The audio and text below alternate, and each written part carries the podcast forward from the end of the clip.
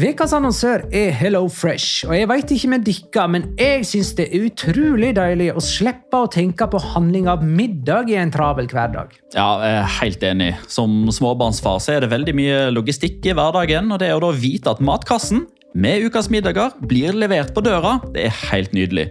Da slipper du impulskjøp på butikken når blodsukkeret er lavt, og når du kommer hjem, kan du bare ta ut posen med dagens ingredienser fra kjøleskapet og sette i gang matlaginga. Ja, du kan velge mellom 25 ulike retter hver uke. Og de har faktisk en egen kategori som heter Raskt og enkelt, med masse enkle og gode oppskrifter. Veldig greit å ikke måtte ty til takeaway hver gang det er hektisk på jobb. Jeg gleder meg spesielt til sterk chilikylling i min neste kasse. Jeg blir sulten bare av å tenke på det. Ja, Det er ikke feil med bacon og cheeseburger heller, da. Og det som også er bra, er at matkassen koster det samme hver uke, som gjør det enklere å holde matbudsjettet. Ja, og så blir det ikke matsvinn heller, fordi du får akkurat det du trenger til hver eneste rett. Hello Fresh kan absolutt anbefales, og bruker du koden vår, LIGALOCA, kan du få opptil 1779 kroner i rabatt på de fem første matkastene hvis du ikke har prøvd Hello Fresh tidligere. Du kan også prøve koden hvis du har avslutta abonnementet ditt for tolv måneder siden eller mer. Gå inn på hellofresh.no og bruk koden LIGALOCA. Bon appétit! Hallo? Jeg kommer fra Oslo politikammer. Ine Jansen er purk. Er du purk? The motherfucking bitch. Alt jeg vil, er å finne ut hva som skjedde med mannen min. Jon Carew. Er jeg sikta for noe? Iben Akeli. Det er du. Ole So, Lars Berrum og Big Daddy Karsten. Hvem sin side er du på, egentlig? Anette Hoff, Tone Danielsen, Kommer du fra Afrika? Jørnis Josef, Nesten. Kløfta. Trond Espen Seim. Det er synd å si det, men det var feil mann som døde. Purk. Premiere tirsdag på TV2 Play.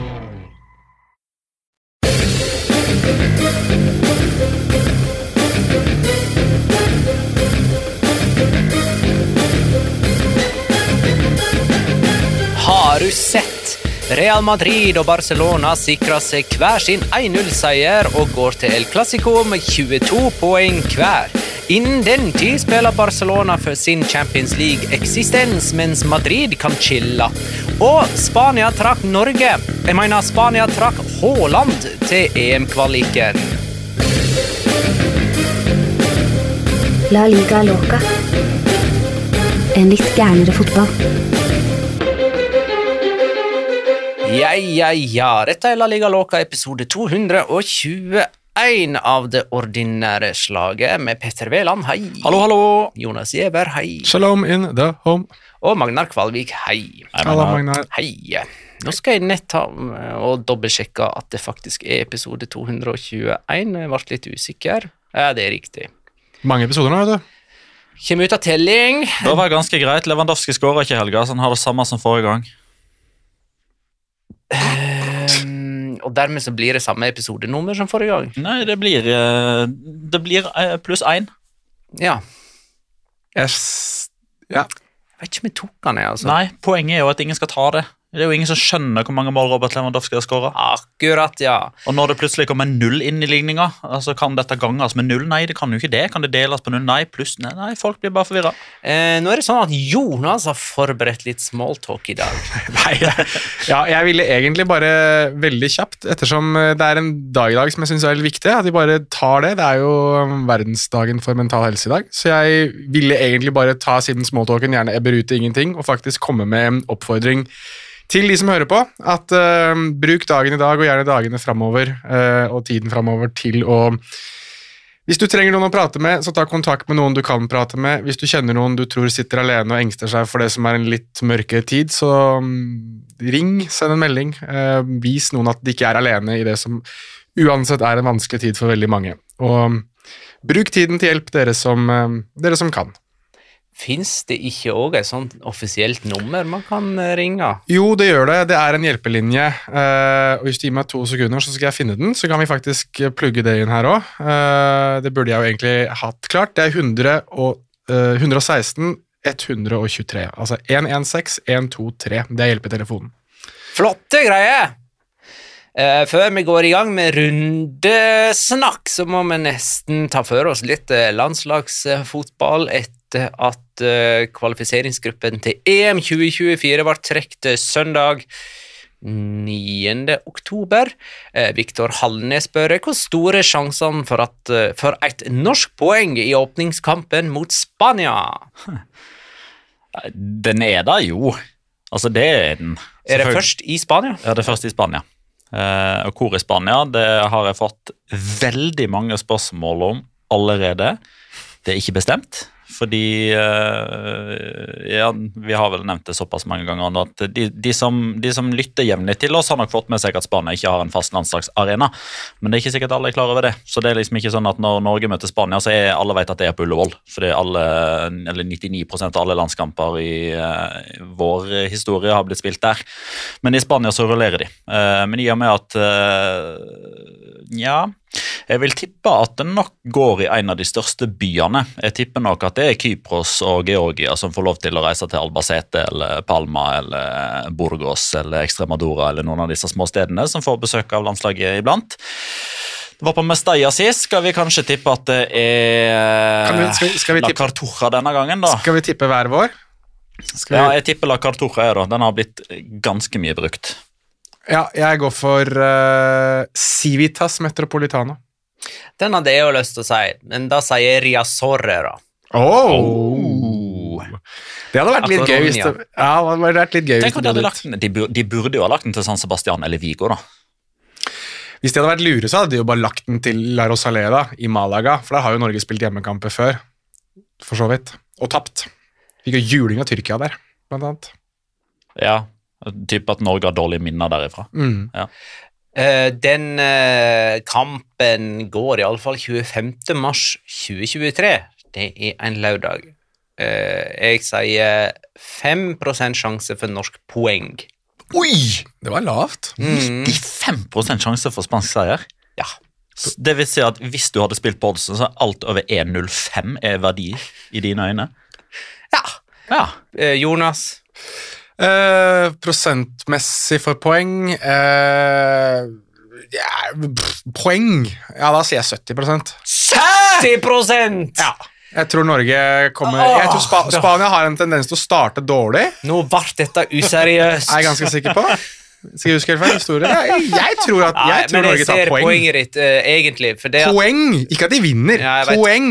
nei, for Altså, at det er 30 sjanse for at Spania vinner. Altså, Du har Norge som poengfavoritt. da.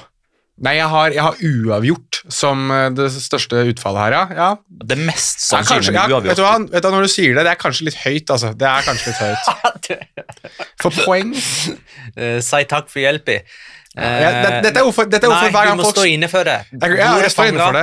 Men, men dette er grunnen til at hver gang folk spør meg Kan jeg få tippetips, der, jeg sier jeg, jeg suger på odds og alt det greia. Ikke spør meg om sånt. Jeg vet hvilke lag jeg foretrekker, men ikke ta mitt ord for god fisk. Og der har dere hvorfor. Som jeg sa, tweeta om tidligere i dag, det er ingen eksperter som sitter her. Jeg bare synser det. Ja, men det er jo et poeng at det er mot slutten av gruppespill eh, av kvaliker at Norge kollapser. Ja. Uh, og at det kan hende at eh, Spania ikke er helt på G i, helt i starten. Starter Men, ikke Spania eh, ofte kom- dårlig, for øvrig? Eller er, det, eller er det en myte? Du har nok rett i noe av det. Altså, De ble jo verdensmestere etter etter å ha tapt første kampen i mesterskapet, blant annet. Ja, jeg, jeg tror Norge Men i kvalika har han gjerne gått gjennom med sånn ti av ti seire. Jo, men det var en av kvalikene her. Eh, kan det ha vært kvaliken til VM, da? At de litt At de var litt sånn ute og sykla i begynnelsen? Men eh, prosentsjanse for eh, poeng Nei, altså jeg mener at, eh, at Spania vinner en hjemmekamp mot Norge mellom 7 og 8 av 10 ganger. Så at det er mellom 20 og 30 sjanse for poeng, da. Altså i 25. Da er det sagt. Ja, Ehm, jeg Spa står inn, jeg, Spania er jo ikke det det en gang var. Nei, jeg står på 70% Jeg gjør det. Jeg Ja. føler meg sikker der, altså. Jeg gjør det. Det er, ikke, det er ikke sånn med Spania nå som det var da Iker Casillas og Carles Puyol hadde et forhold på dette landslaget. Et amorøst Ja, et sådan. de det hadde de jo faktisk. Skal du snakke du vil litt om det, Jonas? Er det din locora denne veka? Ja, det er min locora. Og det eh, Ja, hvor skal man begynne? Altså, det For å ta eh, bakteppet her først, da. Eh, Iker Casillas har jo Var vel i fjor, så skilte han seg fra Sara Carbonero, denne veldig kjente spanske journalisten. De har Som han vel fridde til på lufta? i et intervju en gang? Han kyssa henne i alle fall. Ja, Det var en Ok. kjempestor greie. Etter at de hadde vunnet VM, så kysset han henne. Han som fridde underveis i et intervju, eh, det var um, Carlos Puyol, sier ikke eh, Casillas? Nei. Nei, det var ikke han. Men, men det var han uh, Max Krose. Han uh, fridde til kjæresten sin uh, rett etter en kamp i OL i Tokyo nå i, for et par år siden. Nei, men Vi må komme til poenget. Altså, Ike Casillas annonserte i gåsehauget på Twitter at han er homofil. Ikke gåsehud engang. Eh, han annonserte i gåsehauget det, eh, kan man si. Det sto på Twitter Han skrev på Twitter i hans Twitter-profil Ikke, ikke hakk nå. Ikke hakk. Nei? Så sto det at han var homofil. Eh, Carles Piol svarer det er på tide å gå ut med forholdet vårt, eller offentliggjøre det. Og så kan du ta bakteppet. Og det som er bakteppet, er jo at Iker Casillas som sagt har skilt seg, eller er, er håper å si, forholdsvis nysingel, og har blitt koblet med veldig mange spanske kvinner, eller spansktalende kvinner, for til og med Shakira er blitt koblet med ham. Eh, og det har vært veldig mye om det i spansk presse. Og eh, man spekulerer i om dette her var Iker Casillas sin veldig dårlige måte på det å prøve å stoppe alle spekulasjoner ved å si 'jeg ber om respekt, jeg er homo'. Punktum finale. Eh, og det som skjedde, var jo at samtlige medier, nesten verden over, gikk ut med at Iker Casillas eh, kommer ut av skapet. Han er homofil og blir da den største, mest profilerte fotballspilleren som kommer ut av skapet. Og så har du da, som du sier, denne her vitsen til Carlos Puyol, eller den, denne greia til Carlos Puyol som kommer under, som gjorde jo at eh, veldig mange tenkte at enten så er dette her verdens mest ræva joke, eller så er dette altså tidenes historie i fotballen, at de to har hatt et forhold. Det som ender opp med å skje, er jo det at når, dette, når denne snøballen her bare blir større og større, og større, og større, så forsvinner jo plutselig den tweeten til Iker Casillas. Han sletter den. Uh, og det som så skjer, er jo at Carlos Puyol sin tweet blir jo stående helt alene. Og så kommer da Iker Casillas ut med en melding der han sier at han ble hacket, at kontoen hans ble hacket, og at uh, nå er alt i orden. Jeg beklager til alle mine followers, og selvfølgelig så beklager jeg i større grad til LGBTQ pluss-samfunnet. Eh, Carlos Puyol hadde jo ikke så veldig mange ben å stå på, for han hadde jo kommet med en veldig flåsete vits som han da eh, riktignok la seg altså paddeflat for. da. Han la virkelig seg flat og beklaget at dette her var en ekstremt dårlig vits, så her har jeg driti meg ut. Så sånn sett så var det eh, tror, jeg det tror jeg det blir tilgitt, men uh, i en time der, en time halvannen, så tror jeg det var veldig mange, meg selv inkludert, som tenkte at her står vi ansikt til ansikt med det som kunne vært en av de største historiene i moderne fotball. Um, så, så so close, yet so far. Likevel så liker jeg å innbille meg at uh, Iker Casillas og Carlos Puyol i hvert fall var veldig gode venner. Uh, og det har de nok vært, for de har jo vunnet det som er å vinne landslagsmessig, samtidig som de sto på hver sin side i det heteste av det hete, da Guardiolas Barcelona og Mourinhos uh, Real Madrid gikk ansikt til ansikt der på 2010-tallet. Da kan vi gå i gang med runde åtte, kamp for kamp. Det starter med Osasona Valencia 1-2 fredag kveld. Justin Cloyfert skåra sitt første mål for Valencia etter målgivende av Cavani, no less, som sjøl kunne ha fått sitt første Valencia-mål om han ikke hadde bomma på straffe. Almeria Rayo Vallecano endte 3-1. Det var Almeria sin første seier og deres første mål etter at Omar Sadiq ble solgt til Real Sociedad. De hadde fire strake tap uten skåring før det endelig lysna. Atletico Girona 2-1. Eh, For første gang denne sesongen så har Atletico klart å vinne to seriekamper på rad. Angel Correa skåra begge målene deres. Eh, Sevilla Atletic Klubb 1-1. Sevilla skåra i det fjerde minutt, og alt så rosenrødt ut i redebyen til Jorge Sampaoli. Men så gikk lufta ut av ballongen, og Atletic var sterkest i andre omgang, da Mikkel Veska utligna. Sevilla er nå på nedrykksplass. Getafe Real Madrid 0-1. Eder Militao, matchvinner for Real Madrid, som holdt nullen for første gang denne La Liga-sesongen. Valladolid Betis 0-0. Eh, Betis, som slo Roma i den italienske hovedstaden på torsdag, var tilbake til hverdagen i La Liga, og La Liga-hverdagen til Betis består nå i å få rødt kort før pause. Pezzella denne gangen. Eh, Cádiz Español 2-2. For første gang skåra Cádiz to mål i én og samme kamp. Eh, Det var òg deres første mål på heimebane. Og Real Sociedad via Real inntil 1-0. Det betyr at 1-0-resultatet er tilbake på Anueta for å bli, helt sikkert. Breis Mendes ble matchvinner for Real Sociedad, som vant sin femte strake offisielle kamp. Eh, Og den siste kampen vi har sett, er Barcelona Celta Vigo 1-0. Pedri matchvinner for Barcelona. Et resultat som altså betyr at Barcelona og Real Madrid begge har 22 poeng når El Clásico blir sparka i gang på Santiago Bernabeu. Søndag klokka 16.15, vel. Mm. Dette er det El Clásico som skal blidgjøre de asiatiske TV-seerne. Um, vi kan begynne med El, Clásico-laget og ta den kampen da som uh, fantes da i uh, det sørlige Madrid på uh, Coliseum Alfonso Perez, der altså Real Madrid vant 1-0 uten Benzema, som ble hvila. Uh, og Det er vel første gang på en stund at en Real Madrid-trener har kjent seg så trygg på at Benzema kan hvile. Eh, for det Venicius, Rodrigo, Valverde etc. leverer bra uten franskmannen. Mm. Jeg så at han, eh, han hadde sagt at for, for kun andre gang i sin 40 år lange karriere som trener, så hadde en spiller bedt om å få hvile. Og det var Benzema nå. Blir gammel, vet du. Begynner å kjenne det Blir klok, i alle fall. Ja, vi husker Eller er det første gang? Ja, jeg fascinerer meg, for jeg husker at hvis vi Dette husker jeg faktisk vi snakket om for fem år siden. At uh, Real Madrid var så gode på det å hvile uh, Cristiano Ronaldo. Og jeg tror det var mot Kan det ha vært mot slutten av Det var våren 2018, Ja, da var det jo Zidane, da. Det var jo ikke inn mot VM. Ja, ja da gir det Og nå er det høsten 2022, Ja. inn mot VM. Ja. Det er en fellesnevner der òg. Ja, det er nok det. Godt poeng. Nei, jeg syns, jeg syns ikke den kampen her var så mye å snakke om, jeg, egentlig. Nei. Det var Militao etter fire minutter, og det var det? var ikke det det? Ja, Vi har sett den kampen her før, men da var det ikke Real Madrid, da var det Atletico Madrid som spilte på Colisema Fonso Perez. Men han har jo eh, på en måte fått betalt og nytte av å, rotere litt eh, med disse eldre spillerne sine. da, Ancelotti. Nå var det vel Cross som ikke spilte. Modric hadde hvile i forrige kamp og, og kom inn her. Fikk en målgivende. Og så ble Benzema hvila i samme slengen.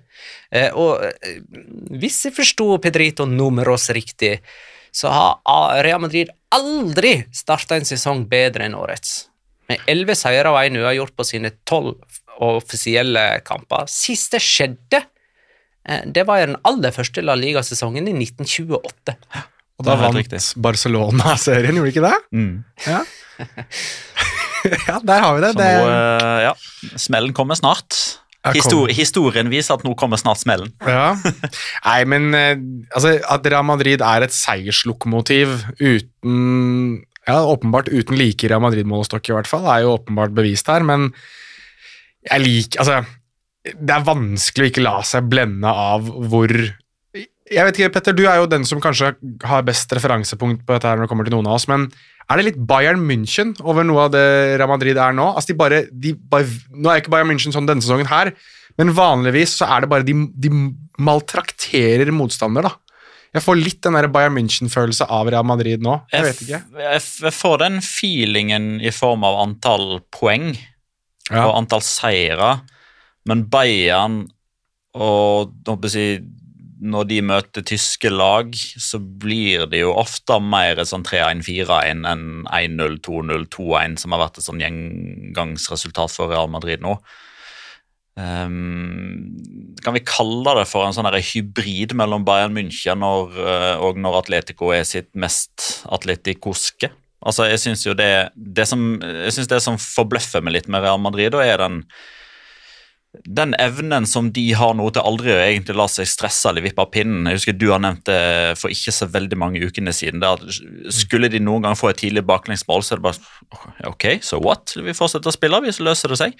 De blir nesten aldri stressa. Vi kommer til å ha sikkert masse Real Madrid mot Barcelona sammenligninger etc. nå, fordi det er klassiko til helga.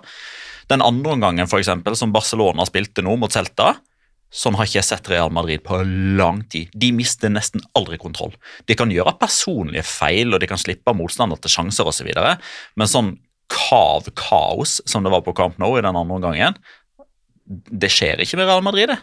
Militao har skåra fem mål på sine 100 offisielle kamper for Real Madrid.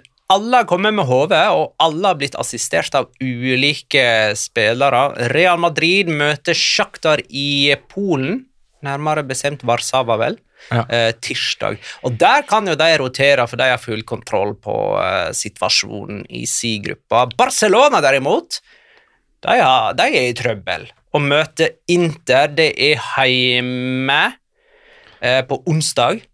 Også Real Madrid altså på søndag, så de er jo nå i ei skjebneveke her, Jeg skal Barcelona. akkurat til å si det. Det er akkurat det ordet jeg hadde tenkt å bruke. og At dette er en skjebneuke for Barcelona. Kan jeg få ta en ting som kommer til å bare sitte og plage meg hvis ikke jeg sier det? Jeg bare håper så veldig når Real Madrid møter Shakhtar at vi får Modric mot Modric. Ja, det, det, er bare, det er en del av meg som bare vil at det skal skje. Unnskyld, jeg måtte bare få det ut. Barcelona slo Celta Vigo 1-0 på kamp nå, men det var heldig. Dette var en meget bra kamp av Celta Vigo. Ja. Altså, De har vel fått med seg mer fra kamp nå tidligere uten å produsere så mange og så store sjanser som søndag kveld. Ja, de har det. Og eh, selvfølgelig, det, det skal det skal Celta Vigo virkelig ha sin del av æren for. Det eneste som mangla, det var jo målet. Det var jo Riktignok så var Altså, om ikke alle, så iallfall de fleste sjansene ble jo til slutt ikke utslagsgivende på en sånn XG-statistikk fordi det sto en eh, linjemann med flagget til værs. Eh, veldig ofte riktig. Blant annet skåringa til Strand Larsen ble jo annullert fordi det var offside på Havi Galan rett før, når han avslutta i stolpen. Et par andre muligheter òg som, eh, som til slutt Jago Aspas. Det, ja, det Spesielt. ble oppfatta som veldig farlig der og da, men det, det hadde ikke, liksom, hadde ballen gått i mål, så hadde det blitt annullert. Ja, ja. Ehm, så sånn sett så, så slipper jo Barca kanskje lettere unna for de som kanskje ikke ser kampen, men ser utelukkende på statistikk, da, det som blir stående der. Men eh, fellesnevneren på LRG, da, som jeg hørte på i bilen på vei hjem etter kommentering den kvelden, det er at det er fryktelig dårlig nytt for Barcelona at de to beste spillerne heter Marc-André Tastegen og Gerard Piquet etter en hjemmekamp mot Celta Vigo. Ehm, Frode Fotballfrosk skriver ser vi nå at eh, det egentlig er Araujo og Condé som er de offensive hjernene i Barcelona. Lagrytmen forsvant jo over natta da de to ble skada. Ja, interessant spørsmål, for jeg, på en måte så er det litt flåste, på en annen måte så er det litt riktig i det at jeg tror når du har de to på banen, spesielt Araujo, så tror jeg laget kan flytte seg mange hakk høyere i banen, i hvert fall, fordi at de vet at da har de en, altså, eh, Han er jo et monster, Araujo, og da tenker jeg også på han er jo ekstremt kjapp, i hvert fall over de første par meterne. Og Da kan laget ligge mye høyere i banen og pushe og presse i langt større grad enn det de åpenbart gjorde i andre omgang, i hvert fall mot Celta. Jeg syns de var ganske gode på det i første omgang. Um, så, så litt flåste, men samtidig ganske riktig. Og så synes jeg egentlig at når du ser det forsvaret til Barcelona Jeg synes det er litt gøy at eh, når vi skal inn i El Clásico, så har du veldig åpenbare superstjerner, kanskje de beste i verden i sine posisjoner. Men så kommer du til å ha det forsvaret Barcelona har, og potensielt f.eks. André Lunin, da, som må stå i mål for Real Madrid. Jeg gjetter at Courtois ikke rekker det. Nå gjetter jeg, jeg er ikke helt sikker på om han rekker det, men uansett, hvis han ikke gjør det, så har du liksom veldig tydelige topper og veldig tydelige bunner på begge lag, for det å spille med et forsvar som er Balde, Piquet, Marcos Alonso og Jordi Alba, det ser ikke bra ut. Barcelona har altså, Barcelona skåra ikke i den første kampen, og da begynte man liksom å snakke om at ja, her er det masse altså, Fire palanker, så ett poeng var vel vårt eh, var navnet på, navnet på episoden, der. Og så, og så hadde de liksom fire mot Real Sociedad, fire mot Valladolid, tre mot Sevilla, fem mot eh, Pilsen, fire mot Cádiz, tre mot Elche. Det var liksom ikke måte på dette offensive arsenalet. Og det er jo nøyaktig de samme spillerne nå, men bare bare det at man kom ut av rytmen da, når landskampene kom, når Lewandowski reiste dit, og Dembélé reiste dit, og Rafinha reiste datt, og, og, og de ble spredd for alle vinnere. Og etter at de har kommet tilbake inn, da, ett mål mot Mallorca, ett mål mot Celta, ingen mot Inter. Ja, nei, jeg, jeg, jeg ser hvor du vil hen, men jeg, men jeg syns fremdeles at store, den store forskjellen i Barcelona er med og uten Araujo. Altså, jeg, jeg, Og han er altså ute i alle fall i en måned. Uh, er det sånn at han Ja, det er touch and go med tanke på det som skal skje mot slutten av året. Ja. Uh, mens Kondé, da? Noen uker. Ja, Så han spiller heller ikke helt klassiko? Nei, sannsynligvis ikke. Med mindre de finner altså, Det er alltid én spiller som egentlig ikke skulle rekke eller klassiko, som rekker eller klassiko. Ja, okay. Nå blir jo det Christi- Courtois åpenbart denne gangen, da. Christensen, da? Nei, han er ute en stund. Nei, han har jo vært god. Jo, men altså, skal Barcelona stille med Piqué og Alonso som midtstoppere i El Clásico? Jesus Christ. Eh, Kessie, Funker kanskje? Funker som bare juling, det. Holdt jo nullen mot eh, Strand Larsen og Jago Aspas. Kan det være Kessie da, som eh, flyttes bak. Eh, Carl Løvenskiold Erik skriver Garcia, hallo. Ja, det han glemte jeg i farten! la, la, si, la ta fram Kessie. La han. Vi, vi, vi, vi står på Kessie. Du har jo nettopp sagt at Erik Garcia sjøl med Marcelino som trener, så blir han valgt som spansk Ja, ja. eh, landslagsstopper tidligere i dag på Twitter. Tweeta, det i går, ja. At, Ja. Jeg tweeta startoppstillingen til Spania mot Norge. Da så Um, du lyset, endelig. Nei, men eh, eh, Erik Garcia uh, ble lagt inn i den troppen eller i den startoppstillingen fordi han, han kommer jo med. Altså, Han kommer jo bare alltid med. Det er ingen som skjønner hvorfor, men Erik Garcia er der hver gang. Eh, Carl, Carl Løvenskiold eh, spør om Barcelona vinner ligaen med å slippe inn færre mål enn Atletico Madrid gjorde i 13-14-sesongen. For eh, de har altså bare ett baklengsmål, eh, Barcelona, på tross av mm, hanglende forsvar. 26 baklengs hadde Atletico, da. Ja. Eh, men hvor mange baklengs hadde Barcelona tre sesonger før der? I 10-11. Mm, Hadde 21. 21, så det er jo Barcelona sjøl som sitter med den gode baklengsrekorden Mm. i sånn positiv. Og I 20, 2016 så slapp de inn eh, 29, og da var jo, det var jo da Claudio Bravo, vel? Eh, eller var det sesongen før det, kanskje? I 2014-2015. Ja, da du- ja. Da slapp de òg inn 21 i 2014-2015. Da hadde de 21. Ja, det ser du. da hadde jo Claudio, Claudio Bravo den rekka si, som nå har blitt slått av han som nå har blitt nevnt i tre La Liga Loca-episoder på rad, José Antonio Caro. For ja, han holdt nullen for Burgosk mot Alaves denne helga òg. Karo. Eh, Emil Gustavsen skriver hvis ikke Ter Stegen er runden spiller, så skjønner jeg ingenting. Vel, Det gjør det ikke jeg heller. Er det noen som tar på seg ansvaret med å nominere han? Eh, Altså, det, han må jo først komme gjennom det trange nominasjonsnålauget. Ja, eh, det tok ca. to minutter fra jeg så den tweeten, til jeg lanserte han som min kandidat i Messenger-gruppa over. Ja. All right. Eh, og det er jo åpenbart fordi han, eh, han var den som skaffa åpenbart Peder òg, som skåra målet. Eh, men han, eh, han er litt sånn uh, umuligjussen for øyeblikket, og det må han nesten være òg når Barcelona går inn i den uka her. Og det er jo kanskje Altså, Man kan jo man kan måle, man kan vurdere, man kan debattere, diskutere. Men skulle det nå en gang være sånn at Courtois ikke blir klar, og at det er Andrej Lonin som står All respekt til Andrej Lonin, men da er det klink seier til Barcelona på keeperplassen. Og keeperplassen har vist seg å være ganske viktig.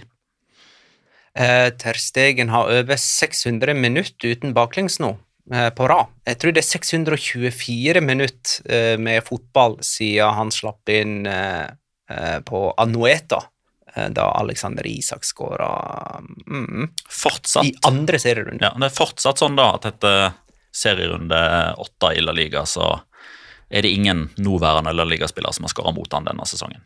For Isak er jo i Mm. Newcastle. Ganske imponerende. Kan jeg ta en kjapp ting som jeg, som jeg bare syns var litt gøy? Eh, Strand Larsen, eh, Jorge Playa, hadde jo mm, et intervju med TV 2 etter kampen. Jeg synes bare det var litt sånn, jeg, Vi snakket om hvordan han er som type, og jeg syns det var så deilig og litt sånn herlig offensivt at han sa at han håper å returnere til Camp Nou en dag i de riktige fargene. Og det syns jeg var litt kult, at han faktisk turte å liksom si at han kanskje har lyst til å spille i Barcelona en dag. Jo, men det er riktig Fargan for han er jo himmelblått og hvitt. Ja, jeg syns jo det. Så det blir jo gøy når Manchester City kommer på besøk med Jørgen Strand Larsen og Erling Braut Haaland på topp om noen år. Men han var god igjen. Han ble kåret til banens beste av Ja, jeg så det. eh, jeg si, Litt usikker på hvordan det, om det var avstemning eller sånn. Jeg bare plukket opp at Celta tvitra det sjøl, at han var liksom Og så er det sånn der sponsorgreie. Det som var morsomst med det, er jo at det bildet av Jørgen Strand Larsen Det er jo sånn, det er nesten sånn at du kan bare se for deg at han Hæ? Meg? Bare, bare legg merke til uttrykket hans. Typ, Hæ? Meg? Ja, ikke sant? Men ja, det var fortjent. Han var god. Meget. Igjen. Uh, nei, men da går vi videre, da. Det er ikke vi? Ja, gjør vi ikke det? Jo, vi trekker, Vi trekker bakover, på oss, eh, vi trekker på oss nisselua og fortsetter med norske involveringer. Real Sociedad slo altså via Real med 1-0 på Anno Eta. Um, Jørn Henland skriver Har Sørloth og Pleia Larsen like forventninger? Hva skal til for hver enkelt at sesongen deres skal bli ansett som ok eller bedre? Det er i pluss begge to nå. Det vil jeg si. Men Ja, Sørloth har nå skåra, det har ikke Pleia. Nei, um, det er et interessant spørsmål. Uh, jeg tolker det dit hen hvem, hvem har liksom mest press på seg. Og jeg vil jo faktisk si at det er Sørloth. Uh, og hvorfor? Jo, fordi det er hans andre sesong.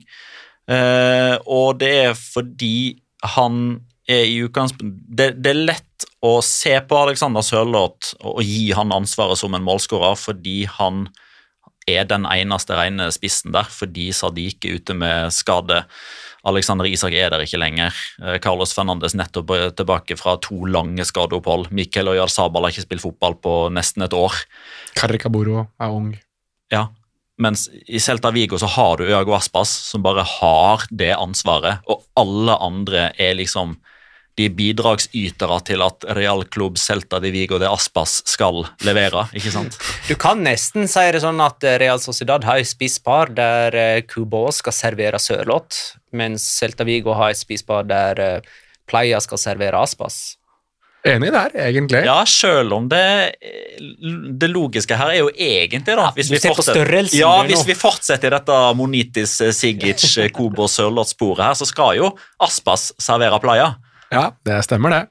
Men jeg syns uansett at eh, sånn sett under ett, så synes jeg Altså, Begge to har kommet fra sesonginnledningen med bare um, positivitet, egentlig. Altså, Det eneste som mangler for Playa, er jo scoringen. Og Den det- kommer mot Real Sociedad. Og den kommer, altså. Den kommer Nå har han vært nærme mange ganger.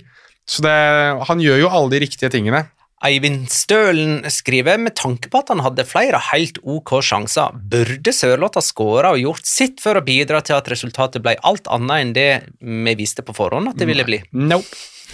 Nope, fordi vi visste at det kom altså det, Da den første skåringa altså Bryce Mendes, altså ikke den første, den eneste skåringa kom, så skulle det ikke mer eh, altså Sånn er det. Nå har vi endelig fått det bevist at Real Sociedads 1-0-seire er sterkere enn Villarreals trang til å spille uavgjort. Der er det. It's done.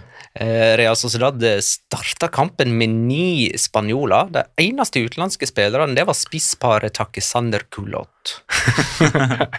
Men det er litt av en investering La Real har gjort i Breis Mendes, da. Ja. Ble han match, matchvinner igjen. Leverte målpoeng òg i eh, midtveka i uh, Europaligaen. Ja, jeg, jeg tror meg og Jonas har samme topp tre, men ikke nødvendigvis i samme rekkefølge, med, med liksom fasit i hånden etter to måneder av sesongen på hvem som er topp tre. Ja, du har, du har Topp Mendes tre 2. overganger. Ja, Ja, du har Breis Mendes 2, og jeg har Breis Mendes 3. ja, og jeg har Chouameni Tre, tre. og jeg har Chouameni nummer to. Og nummer én er Robert Lewandowski for begge to. Ja, veldig bra. Eh, Real Sociedad Veldig ligger på brais. Ja, det var veldig breis.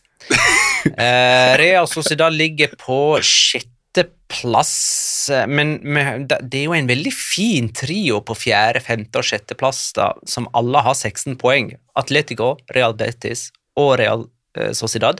Og disse er jo bare poenget bak Atletic Klubb, som er nummer tre. Det hadde vært ganske stilig om disse fire fulgte hverandre helt inn. Det hadde det faktisk, Hadde og det har jeg reelle håp om òg, faktisk. Må, altså um, Han er jo ikke så ung, men jeg syns ikke vi har nevnt Ayen Munoz noe særlig i podkastene våre. Og jeg, jeg vet ikke, men det er et eller annet med ham denne sesongen her for Real Sociedad som er kanskje litt sånn Robin Lenormandsk, i det at jeg syns han har vært ganske solid. jeg. Gjør ingen feil, har eh, en del morsomme raid. Denne, denne gangen her så hadde han jo en kroppsfinte som sendte Jeremy Pino rett i pølsebua. Um, Syns han har vært Liker litt det at man begynner å se litt sånn Beck-talenter i Real Sociedad igjen. Det minner meg om de, de glade dager da vi pratet om Alvor og Odriozola på innpust og innpust. Nei, innpust og utpust. Innpust og innpust. Det er bare meg, det. Uh, men Ayan Monios vil jeg bare ha nevnt som en sånn Ja, litt sånn svak spot for han, uh, og det er en veldig sånn personlig og på grensa til narsissistisk grunn det. til det. Her kommer det. Jeg veit hva du skal si. Skal du det? Vet du hva jeg skal si? Jeg, kan, jeg, kan jeg gjette? Jeg kom med et hint. Ja, er, det fordi, stikkord. er det fordi han følger deg på Instagram? Det er helt riktig. Men jo, fordi eh, i det øyeblikket Martin Ødegaard Fy faen, Ja, men hør nå, da. ekkel, ass. Ja, jo, jeg, jeg veit det. Jeg sa det jo sjøl. Ja, ja. Men det er på grunn av at i det øyeblikket Martin Ødegaard signerte for Real Sociedad, fullstendig overtenning, fulgte alt som var av Real Sociedad-spillere etc. på Instagram, i et håp om at noen av dem skulle tvitre et eller annet fra treningsfeltet eller garderoben før det var offisielt. da, typ. Så hadde jeg selvfølgelig lyst til å være først ute. Eneste som fulgte tilbake igjen, Ayen Munoz. Det er så, det er så Ah, men tommel opp til Eien eh, der, da. Ja, da. Eh, Real Sociedad er det eneste laget sammen med Real Madrid som har skåra i alle sine kamper. Det inkluderer Europacup. Eh, Via Real derimot har fire seriekamper på rad uten seier. Eh, vi skal spare Petter for mer prat om det. Takk! Vi må nemlig snakke om det som skjedde på Ramón Sánchez Pijuan, der lag nummer tre på tabellen, Atletic Klubb, klarte 1-1, eller ja Hvordan skal man formulere det, da? Mot eh, Sevilla. Eh, nå har vi liksom fått det som vi vil, i alle fall jeg, med San Pauli tilbake i La Liga og Sevilla. Hva sier vi om eh, redebuten hans? Kan jeg få lov til å være den som tar det estetiske først? Eh, altså, Jorge Sampaoli er 62 år gammel. Bare la det synke inn. Jorge Sampaoli er 62 år. Mannen har da anlagt kraftigere skjegg enn meg. Han har på en strammere svart skjorte enn jeg noensinne kommer til å klare å få på meg. Og han har altså armene så tatovert at han ser seriøst ut som han skal sette seg på en Harley Davidson og kjøre USA på tvers, Route 66 og så tilbake igjen. Mannen ser splitter fuckings pine gal ut, og det husker jeg at han gjorde også da han trente Universidad de Chile for ti år siden! Det er helt ramme galskap at den mannen der er 62. Han hadde de mørkeste solbrillene på seg som er mulig å oppdrive også når han gikk fra spillerbussen og inn i garderoben. 62 år! Hva sier vi om redebyen hans? Nei, altså jeg, altså, jeg husker jo tilbake igjen til uh, 2016-2017, da han uh, debuterte i La Liga da, med brask og bram Sevilla Spanjol 6-4. Fortsatt en av de kampene jeg husker best fra La Liga de siste 15 årene. Og jeg fikk jo flashback da Oliver Torres skåra etter tre minutter. Men så, var, men så så- var festen over. Ja. Eh, altså, Ja, de, hadde, de hadde noen sjanser til. De holdt hele første omgang. Ja, f men det første, var- første omgangen var sånn tålelig greit, uh, men andre omgangen den, den var ikke spesielt bra. og jeg synes det var liksom befriende, og det tror jeg også Sevilla trenger nå. At de har en trener som kaller en spade for en spade. I stedet for at, eh, altså, Hvis eh, Sevilla hadde hatt Lopetegi som trener etter denne kampen, her også, så hadde det vært klaging på at de fikk eh, frispark og ikke straffespark i den situasjonen med andre Herrera og marginer. og ja, vi er uheldige og det er ikke... Altså, Sampoli sa bare i andre gang så var vi møkk dårlige. Det må vi ikke være neste gang. Eh, Sevilla møter Dortmund borte på tirsdag. Skal vi gi dem en sjanse, eller er alt håp ute i Champions League? Nei, det er ikke, det er ikke ute. Altså, de, er under, de er underdags mot Dortmund. som, eh, altså her, her snakker vi da et Sevilla-lag i motgang over tid som fikk seg en ny liksom, nesestyver her nå, da, med tanke på at de mister ledelsen og sånn sett gir fra seg to poeng, mens Dortmund kommer tilbake en fem minutter på overtid, er klassiker og står og jubler foran den gule veggen etterpå. Så den mentale inngangen her er jo vidt forskjellig. Men det faktum at de har ny trener og at det er San Paoli, gjør at det er større sjanse nå enn for en uke siden. Ja, så må vi jo ta med bare det at de Altså, De er en Ander Erera, veldig sånn shithousery-takling fra å faktisk stjele med seg alle tre poeng her òg. Altså, de er på altså, Erik Ja, Lamela der, kunne, der hadde Lamela åpen mål, Ja. eh, og så kom altså Andre erera og felte han rett i skuddøyeblikket, kan du si. Ja, og får jo direkte rødt kort for å frata en åpenbar skåringsmulighet. Og veldig, jeg synes det var veldig gøy. Uh, Andre Rera sto og bare tok det røde kortet fra Kilman Sala, tok han i hånda og gikk av banen. Helt greit. Ja. Det, så, Mens sånn. Raúl Garcia selvfølgelig klagde på avgjørelsen. Ja, ja, ja, ja, ja, Ja, noen må det jo, men jeg syns det var gøy at uh, André Rera var sånn ja, ja, ja, men det er greit, det. Og så gikk han av banen. Men uh, det er nok Jeg vil jo tro at det er mer positiv feeling. Det er ganske vanskelig å ikke eh, ha mer positiv feeling enn det de hadde under TG, men tipper at det er noe vind i seilene i Sevilla òg. Men jeg, jeg er enig med Petter, de kommer nok med ryggen mot veggen. Men samtidig, så det jeg gleder meg mest til, er å se hvordan Jorge Sampaoli og Edin Terzic kommer til å prøve å reflektere hverandre på den sidelinja. For den ene mannen er stoisk og rolig, i hvert fall i store grad, mens den andre har en tendens til å se ut som et sint lemen ved enhver anledning. Så jeg um, Det har Jorge Sampaoli tilbake. Sevilla mot Valencia, dere! Fy faen, gled dere til det! Gattuso mot Sampaoli. Å, herregud. Eh, litt skryt må gå til Atletic for det de presterer om dagen. Jeg vil jo bare nevne at eh, i forrige runde så skåra jo Oyan Sanset for andre kamp på rad. Denne gangen skåra Mikkel Veska, altså den andre dype midtbanespilleren, for andre kamp på rad. Så det er jo mange i dette Atletic-laget som tar skåringsansvaret. Har ikke både Injaki Williams og Nico Williams og skåra i to eller flere kamper på rad? Ja, før denne kampen så Ja. gjorde de det. Um, Uh, og Atletic er fremdeles nummer tre. Det er, uh, til helga så er det selvfølgelig El Clásico-kampen som stjeler all oppmerksomhet, men Atletic mot Atletico Madrid på samme mes eh, ja, Det er kampen å velge ut på lørdag, for å si det sånn. Det er hipsternes, uh, hipsternes store kamp til helga. Ja, er det så Er det hipstersk, det da, er ikke det? Heller mer sånn uh, Getafe mot Rayo Vallecano. Ja, Da er du, da er du metahipster, da. Da er, du, da er du fullstendig hipster. Ja, og Med kubjella nisselua så er det selvfølgelig Celta Vigo Real Sociedad som er opptakten til eller klassiker på Ja, det er bare snacks, med andre ord. Nei, lørdagen er det. Lørdagen. Nei, søndagen. Søndagen. Søndag. Jeg har bestemt meg. Det er søndag. Da kan vi jo peile pila mot Atletico Madrid, da, som slo Girona med 2-1 på um, Metropolitano. Uh, og Nå viser det seg at heller ikke 2-0-ledelser føles trygge for Atletico. Uh, for her leder de altså 2-0, og så reduserte Girona, og de hadde jo mange sjanser til å utligne etter det. Jeg lurer på Jeg skulle gjerne likt å snakke med Alej Garcia etter den kampen her, og hvor mye han må hate Jan Oblak. Han hadde to sånne helt tydelige golazos som bare skulle synge i det øverste krysset. Men så bestemte tydeligvis Jan Oblak seg i løpet av den kampen her for å være litt Jan Oblak, da, bare for å minne oss på at han var jævlig god en gang i tiden. Og det gikk utover stakkars Alej Garcia. Eh, Det kan hende vi er ferdige med halvtimene til Grismann nå. Er det offisielt? Nå? det er offisielt. Eh, Han eh, skal kjøpes for 20 millioner euro av Atletico fra Barcelona. Halle fuckings Louis. Endelig er det over. Kvan The Norwegian eh, lurer på eh, Kan man kalle overgangen eh, til Antoine Griezmann da, fra Atletico til Barcelona for en av de dårligste overgangene gjennom tidene? Ja, den Han er på- helt der oppe sammen med Eden Hazard. Ja, den dårligste overgangen noensinne. Med tanke på penger brukt Ja, av Coutinho. Barcelona i dette tilfellet. ja, det skulle jeg akkurat å si. Coutinho. Coutinho er her- der oppe, han også. Det er den dårligste, tror jeg, noensinne. Så hvis du tenker pengemessig, så er det nok det den dårligste. Men jeg vil jo tro at Antoine Griezmann er helt der oppe, han òg, ja.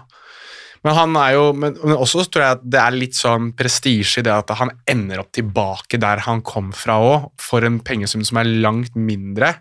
Eh, og i Og ikke minst ei lønn som er langt lavere. Langt lavere, men samtidig også Han, han endte opp med å bli en gimmick. Altså Han endte opp med å bli 30-minuttersmannen som ikke kunne spille mer for de, for de, for da. Altså Hele Antoine Griezmann til Barcelona kommer nok til å En dag så kommer det nok til å være sikkert mange sånn featureartikler sånn Husker du da han var der?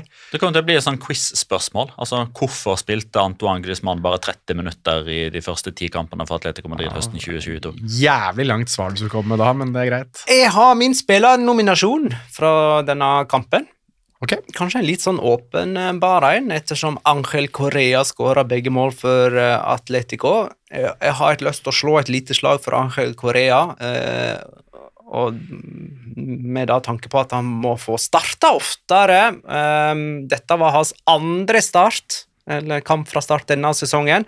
Han blir jo gjerne kalla en eh, superinnbytter, men han har skåra tre mål på de to kampene han har starta, og han har null mål på, som innbytter. Eh, Atletico har vunnet begge de kampene han har starta, så der har du det. Han har ikke fått en eneste start i Champions League så langt. Eh, og Korea har dessuten aldri tapt en La Liga-kamp der han har skåra. Det har gitt 38 seire og 5 uavgjort. Så da har vi bare banka inn spissparet til Atletico Madrid for resten av sesongen, da. Korea og Griezmann, siden han nå får lov til å starte kampen. Ja, jeg er helt enig. Al- Alvaro Morata kan bare holde seg unna alt som er. Sjau Felix er jo iskald.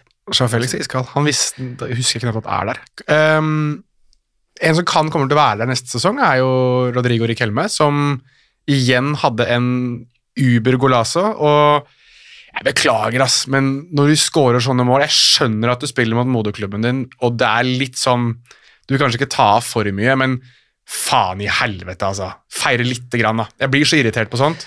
Uh, Jeg er prinsipielt enig Men når det er sånn tidligere Ja, Nei, nei moderklubben er ikke så viktig. Altså, Pål André Helleland kan juble i massevis. Ja, eller den hvis han er utleid fra, da. Han er fra. Ja, jeg skjønner hva du mener, Ja. men samtidig, da, hvis det er så vrient for deg å i det hele tatt være glad for å score selv om du spiller mot klubben du er utleid fra, så ta en Benzema, da. Si at du er sliten.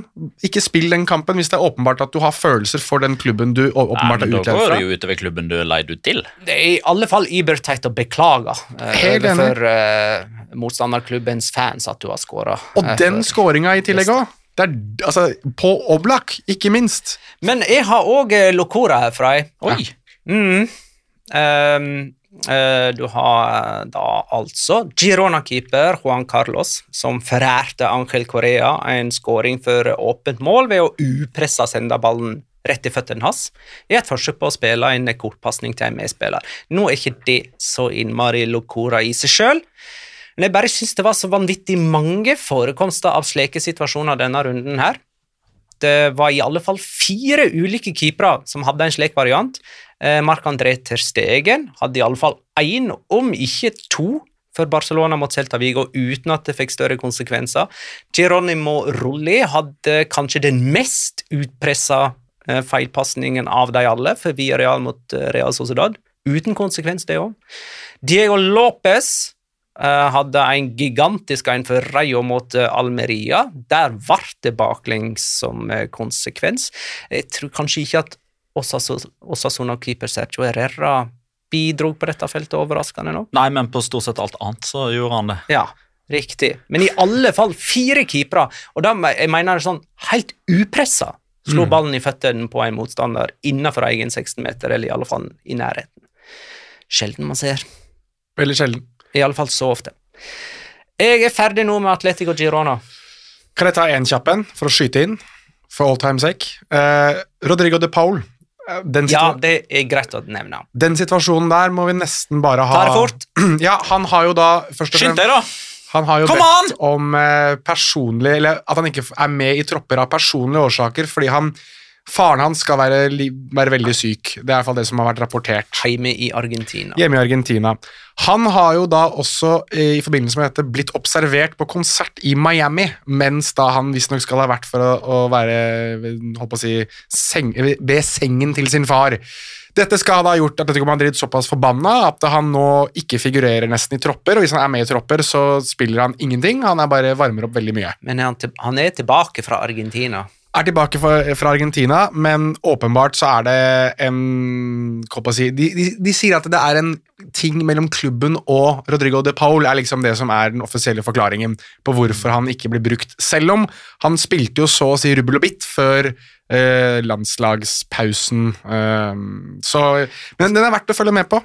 Det kan bli en ny sånn Grismann-situasjon. Ja, Og så har hun hatt disse her Grismann-greiene, og så har hun hatt eh, formasjonsbytte fram og tilbake, og så har hun Simione som ikke blir helt enig med seg sjøl hvem som egentlig er spissa på dette laget. Så egentlig så har det vært ganske mye sånn her fram og tilbake og usikkerhetsmoment i eh, sesonginnledningen til Atletico. Eh, vi må snakke om Osasona Valencia, som altså endte 1-2 på El Sadar. Eh, en kamp som altså hadde tre mål, like mange røde kort og to straffebommer.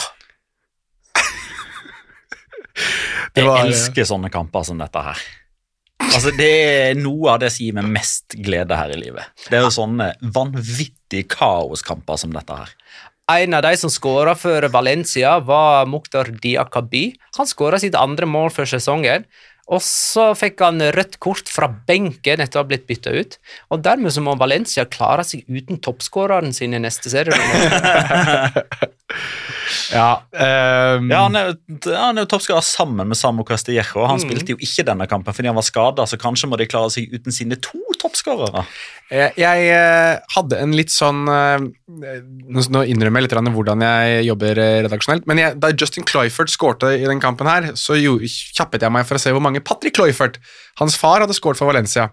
Uh, og da jeg fant ut at Patrick Cloyford fikk kun én La Liga-scoring for Valencia, så tenkte jeg at her har jeg jo en morsom locora. Nå har Justin Cloyford og Patrick Cloyford like mange La Liga-mål for uh, Valencia. Uh, som dere nå sikkert vil høre fra Petter, så den utgikk. Og den utgikk noe så jævlig òg! Ja, for jeg òg tenkte det. For jeg gikk jo raskt inn og så om vi kunne finne noen fellesnevnere her. Fordi ja, Patrick Cloyfert skåra ett for Valencia, men han skåra masse for Barcelona. For Barcelona. Han skåra én gang mot Osasona. Det var på El Sadar. eh, Og han som var keeper for Osasona da, han heter Ricardo Sansol. Han er keepertrener. Det er han som eh, lærer Sergio Herrera alle disse skytetriksene. Han, han, han sto i mål da, og han sitter på benken som keepertrener nå. Men så kom resten av kampen. Det, er- altså det, var, det ble jo bare et eh, Altså, hvor starter man? Det ble jo bare et kjempekaos. Kan jo prøve å ta det litt sånn kronologisk, da. For dette var liksom det første som skjedde av betydning, om at eh, Justin Cloyfert sendte Valencia-ledelsen, og så måtte Diakabi dobla. Så har vi tatt det at han er toppskårer. Ja, og så kan vi nevne at Kavani hadde målgivende til Cloyfert. Det nevnte jeg kanskje i stad. Det sa du i stad. Ja, så da har vi tatt det. Uh, og så er det jo straffespark da til Osasona, som Chimia ville bommer. Eh, Himmelhøyt over. Himmelhøyt over. Og så eh, kommer noe av det eller, Nå kommer en av de tingene som kunne ha vært en locora. La oss bare ta dette her som en, en jævla svær locora. Kom igjen, ta det du, Petter. Unai Garcia blir jo da utvist for å frata målskårer eh, eller angrepsspilleren soleklar målsjanse, som gjør at det blir straffespark. Utvisning. Straffesparket blir tatt av Kavani, ender i tverrleggeren. Nøyaktig det samme som skjedde serierunden før av en annen Gazia, nemlig stopperkollega David Gazia, som ble utvist for å frata motstanderen en åpenbar skåringsmulighet. Benzema i tverrlegger, ikke skåring. Før du går videre, jeg bare får sagt Sergio Herrera kommer til å fortelle sine barn, barnebarn og potensielt oldebarn om den uka han eh, Hvem skal han formeire seg med?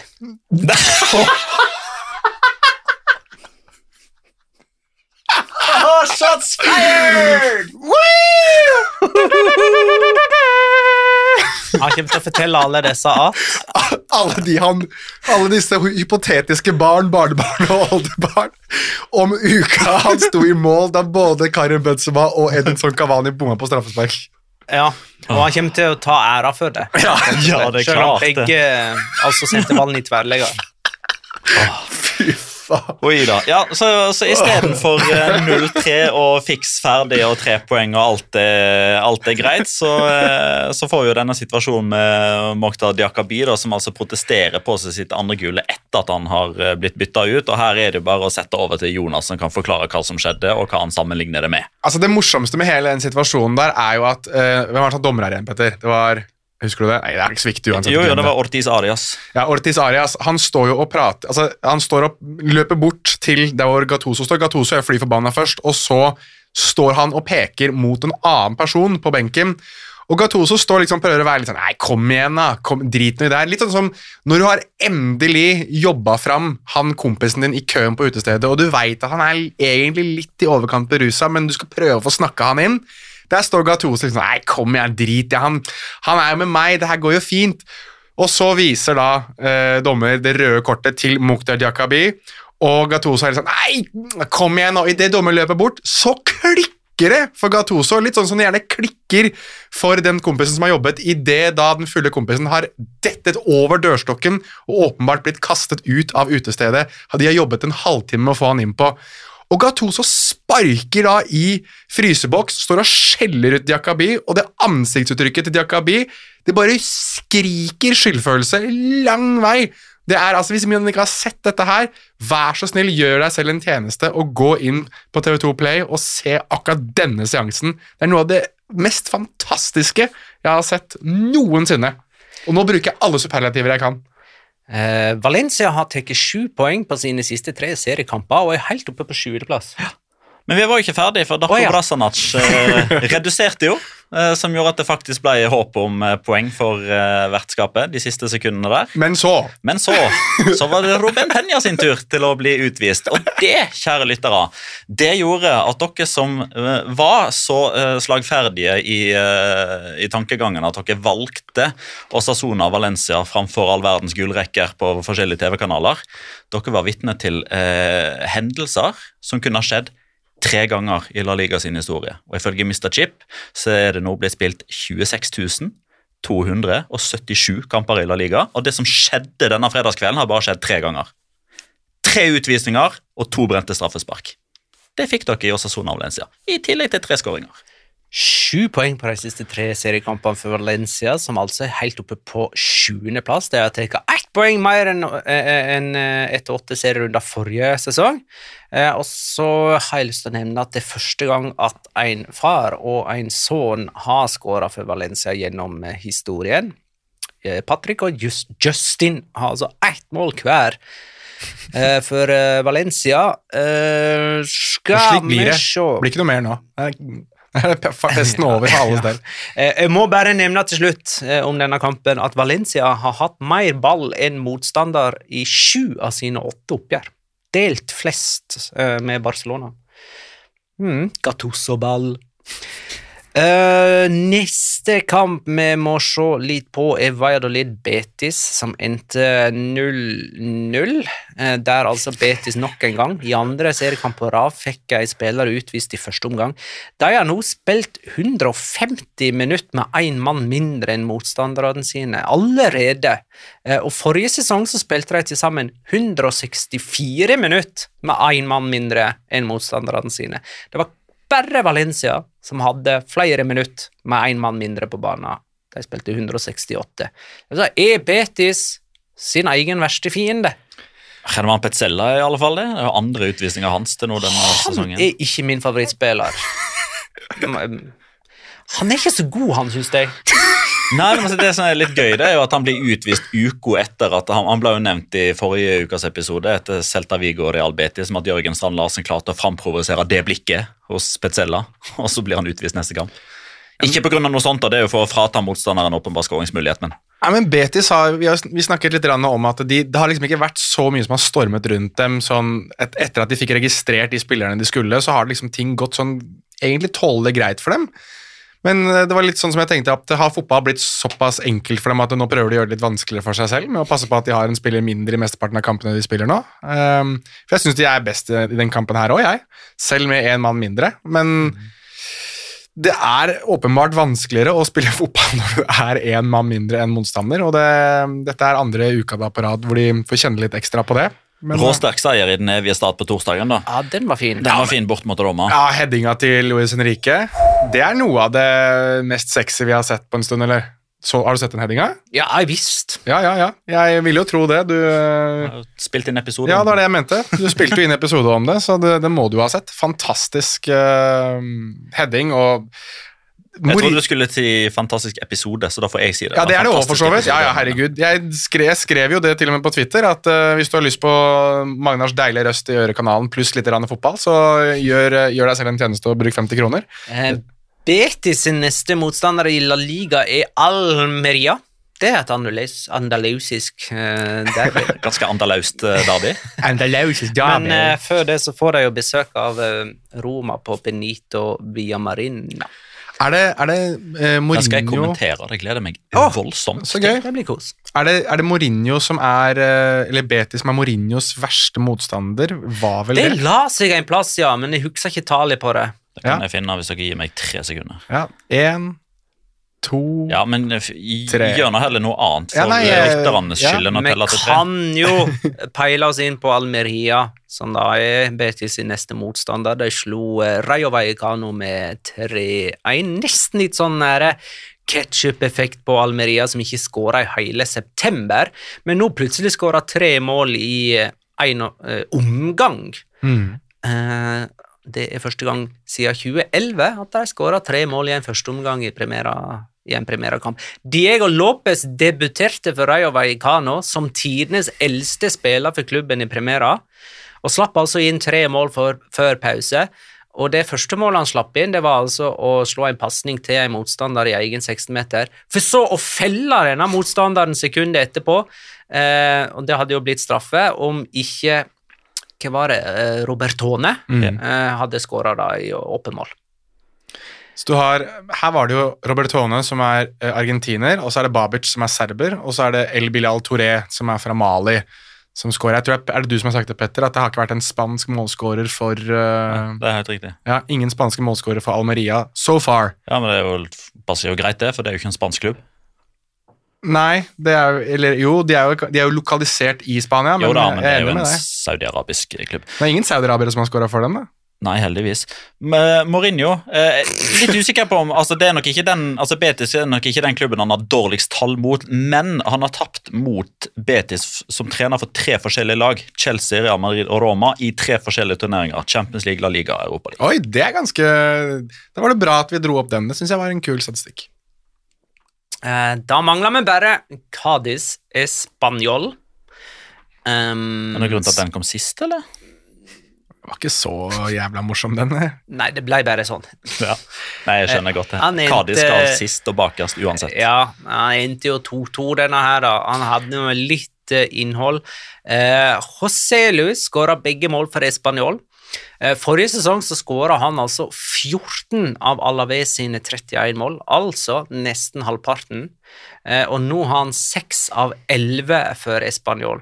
Har vi en spillernominasjon her, eller? Det har vi, og det er vel kanskje ikke til å komme utenom at det er Joselo som er eh, spillernominasjonen. Og nå gikk jo Magna gjennom tallene her, som jeg syns er enormt sexy. Jeg får dra, dra det estetiske her, da. Um, jeg synes blant annet Den andre skåringen hans, som er en sånn typisk goalgetter, hvor han, hvor han følger innlegget og bare bukker ballen i mål, syns jeg er, eh, er sånn scoring eh, som jeg kan virkelig like. Men jeg lar meg jo også eh, fascinere over at eh, det er først når Spanjol spiller i drakter som har en svær blå stripe og en svær hvit stripe, som det er, det er virkelig Joselo eh, basker seg. Og hvorfor gjør han det? Jo da, selvfølgelig. Det er jo så flashback og sikkert de glade dager da han var den eneste som kunne skåre mål for et blodfattig og jævlig Alaves-lag som vi alle sammen forhåpentligvis har glemt. Jeg har ikke glemt det, for jeg har fortsatt mareritt om det laget der. Uansett, eh, Joselu var jo den eneste positive eh, spilleren i det laget. Han er egentlig nesten blitt den eneste positive spilleren for Spanjol òg, med noen eh, innslag av Sergi Darder inn, innimellom. Men uansett eh, Kunne han ha vært en for Spania? Ja, men altså det som Ja, altså han blir jo spurt om det eh, i postmatch-intervjuet. Han sier jo at det er jo selvfølgelig en, en drøm, men det er klart altså hvis, eh, hvis du får det som du vil, da, at eh, Spania og Norge går i, uh, i A altså i, i, i Galicia altså Det er jo der han, han stammer fra. Eh, og det gjør jo for så vidt alle de fire mestskårende spanske spillerne i La Liga denne sesongen. Borja Iglesias og José Lo skårer seks. Aspas og Brais Mendes skårer fem. Alle er fra Galicia. Det er ikke verst. Så kanskje Galicia-Norge Da hadde det kanskje vært 70% sjanse for at Norge tok poeng, Jonas. Men det som egentlig er sjukest med Galicia José Lo Haaland. Husk det. Galicia Haaland. ja, faktisk. Eh, det som, eh, for Du var jo inne på at Roselo alltid skårer mot Real Madrid. Mhm. Det er jo en sammen med, med modifikasjoner, for det fins jo kamper mot Real Madrid der han faktisk ikke har skåra. Ja, sånn. Det fins faktisk ikke kamper Roselo har spilt mot Cádiz uten å skåre. Han har, han har spilt mot de sju ganger, og det har liksom ikke noe å si nivå, motstander, hjemme, borte. Han skåra mot Cádiz for Celta Vigo, borte i Segunda i 2009. Han skåra for B-laget til Real Madrid borte mot Cádiz i Segunda playoff i 2012, både hjemme og borte. Han skåra borte og hjemme for Alaves i 2021-sesongen. Han skåra borte for Alaves mot Cádiz forrige sesong, og han skårer to mot Cádiz nå. Hver gang så han skårer mål Har ni mål, er det ikke det? Ni, Ti mål på sju kamper. ti på sju. Eh, Español har bare én seier på sine åtte seriekamper. Det var ikke helt sånn vi så det før oss med Diego Martinez som trener der. Nei, Det har vært så mye bråk der, da. At det har liksom ikke vært noe arbeidsro. Av Eh, Raúl de Tomàs? mm, eh, blant annet. Eller ja, vel egentlig utelukkende av han, men eh, Men de signerte jo Breathwaite, og så skåra han i debuten på San Mames, og det var der de vant, for øvrig, av alle plasser. Mm. Og så ble jo han utvist, så kan han jo ikke bidra. Fikk to kampers karantene, så han spiller ikke mot Valladolid nå til helga heller. Men der kommer jo seieren, da. Español Valladolid. Ja, det På. burde vel kanskje Foran Sevilla på tabellen. da. Sevilla ligger under streken. Det har vi faktisk ikke nevnt. De ligger under streken. Jo da, jeg nevnte det. Oh, ja, ok. Unnskyld for at jeg ikke hørte etter. Eh, Espanol som skåra to mål i fire av sine kamper, altså halvparten av kampene, og vunnet ingen av dem. Eh, tre ganger har det blitt 2-2, og én gang har de tapt 3-2. Eh, Cádiz har faktisk tre strake uten tap. Hvem så den komme? Etter å ha tapt alle sine første fem seriekamper. De er faktisk ikke jumbolaget lenger, og de kommer ikke til å være det uansett hvordan denne serierunden ender. Nei, Elche ligger sist med bare ett poeng, og selv om de eh, skulle slå Mallorca Magnar, da! Nei, vet du hva. Trykk uh, escape Ja, på nå, den der vi må spille inn ny episode. nytt her, altså. Bare begynne på nytt. Faen, altså. Det var, et, det var en time og tre minutter i vasken, det. Det er Tenk sånn deg. der dårlig innflytelse fra vennene. For Jeg besøkte venner i helgen som hadde vært på Mallorca den siste Å veka. ja, vurderte de å reise til Tenerife, da, eller? Og så, og så tok ikke jeg eh, Jeg tok ikke den her Hallo, folkens, det heter Mallorca. Eh, Så jeg bare spilte med. Eh, og så tok Og jeg det med kaster meg de de under bussen her i stedet. Ja, det er bra. Men, men det er, i det er, det er eh, ofringen som må til for at du får lov til å bli værende i det studioet. At du kaster dine venner under bussen. Veldig bra, Magnar. Velkommen tilbake i podkasten. Men eh, ettersom eh, godeste Hvem var det som eh, jeg nevnte det? Det var Emil Gustavsen jeg nevnte det. sant? At eh, hvis ikke Terstegen er rundens spiller, så skjønner han, skjønner han ingenting. Mhm. Eh, da er vel han rundens spiller, da. Vi vil jo ja, vil han være- vil at han skal skjønne noe, så Med José Lu på andre og eh, Angel Correa på tredje. Ja, Ja. vi kan Ja, si det. Vi Ja, kan det si det. Um, da gjenstår det egentlig bare å tippe. En liten nyhet her også, som vi kanskje skal følge litt med på, det er jo Javier Teba sitt foreløpig siste sprell. For, for når det som skjer mot slutten av året skjer, eh, som vi ikke snakker så veldig mye om, da er planen hans at eh, 17 av 20 eller Liga-lag skal reise rundt i USA og Tyrkia og vise seg fram. Eh, det vil da si alle La Liga-lagene, bortsett fra Real Madrid og Barcelona og Atletico Madrid, fordi de har så mange spillere som er opptatt med det som skjer mot slutten av året. så derfor skal ikke de være med på det. Når skulle de vise seg fram? Eh, mot slutten av året, når det skjer ting et annet sted som har betydning for fotball. Oh. Har du Sa du 16 eller 17? Det er 17, da. 17, Jeg syns du sa 16. Kanskje Nei, ja, 17 av 20, Ja, altså ikke de tre store. De skal til USA og Tyrkia Ja, for det å vise seg fram. Ja, spille treningskamper og Det er viktig å dra, dra til det veldig ukjente landet Tyrkia, som aldri har hatt spanske lag på besøk noen gang. Viktig, det. Marked. Han har en avtale med Erdogan. Oh, der er du øh, godt, godt innspill sånn egentlig, at det kan være at det er noe sånn sportsvaskingsopplegg der. Kan være, kan være. Eh, whatever. Uh, tippekampen, ja. Den forrige sportsvasking i bidén. Type Joe. Bø... Bidé, ikke sant? Biden, bidé. Hva er det bidé for noe? Sportsvask. Du vet jo hva et bidé er, ikke sant? Nei. Bidé. Et bidé er jo sånn som du vasker rumpa di på. Oh. Eh, så Har ikke sett lange, flate baller. Eh, nei. Men du driter i bidé. Ja, Bidé er sånn gammelt av etter at du har vært på toaletten eh, og gjort nummer to. Så istedenfor å tørke seg med da, papir, så brukte man bidé. Så der du spyler eh, rumpa di. Oi, det er den der eh, klosettingen. Ja, Ja. basically. Akkurat. Yes! Forrige kamp vi tippa på, var altså Real Sociedad Villarreal, som endte 1-0 med Breis Mendes som første målskårer. Petter hadde 1-0 med Sørloth som førstemålsskårer. Det gir tre poeng. Jeg hadde 2-1 med Breis Mendes som førstemålsskårer, så det gir vel òg tre poeng. Ja. Ja. ja, ja. Mm. Jonas hadde 0-0, eh, og det gir null poeng. Da har jeg og Petter tolv poeng til sammen. Jonas fire. Fy faen. Neste kamp er Real Madrid-Barcelona søndag klokka 16.15. Petter. Det er 70% sjanse for at jeg ikke har riktig her også, for så vidt. Eh, jeg tipper El Clásico ender 2-2. Uh, første målskårer er Lewandowski. Jeg tippa 2-1 til Real Madrid eh, med Fede Valverde som første målskårer. Her må jeg jo egentlig bare tippe for å prøve å henge med. Altså, Det er jo litt sånn kitteldynamitt, men Det er vel egentlig det vi alltid prøver. Ja, jeg, ja, det er jo det. Eller det i alle fall jeg og Petter. da. Ja, og det går jo til helvete for meg. Uh, 0-2. Hvorfor ikke? Vi prøver oss på noe Jeg, jeg har jo ikke noe troa på det, egentlig. Men 0-2, og første målskårer da eh, Og han, han eh, Dembélé. Ja, jeg måtte ta et eller annet. For han tok Lewandowski, da må jeg ta noe annet. Da blir det sånn. Det blir sånn, og det blir fire poeng for meg også når vi oppsummerer neste. Husk at vi har masse innhold på patrion.com slash eh, La Liga Loca. Helt riktig. 50 kroner, 100 kroner, 150 eller 250. Ja, du får masse for 50, enda mer for 100. Da får du være med i Discord òg.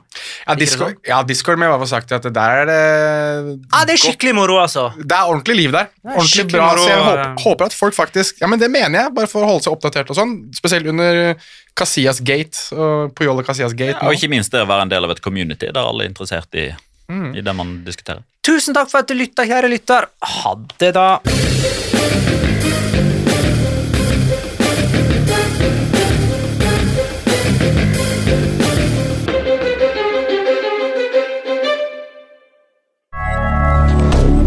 Moderne. Har du et enkeltpersonforetak eller en liten bedrift? Da er du sikkert lei av å høre meg snakke om hvor enkelt det er med kvitteringer og bilag i fiken, så vi eh, gir oss her, vi. Fordi vi liker enkelt. Fiken superenkelt regnskap.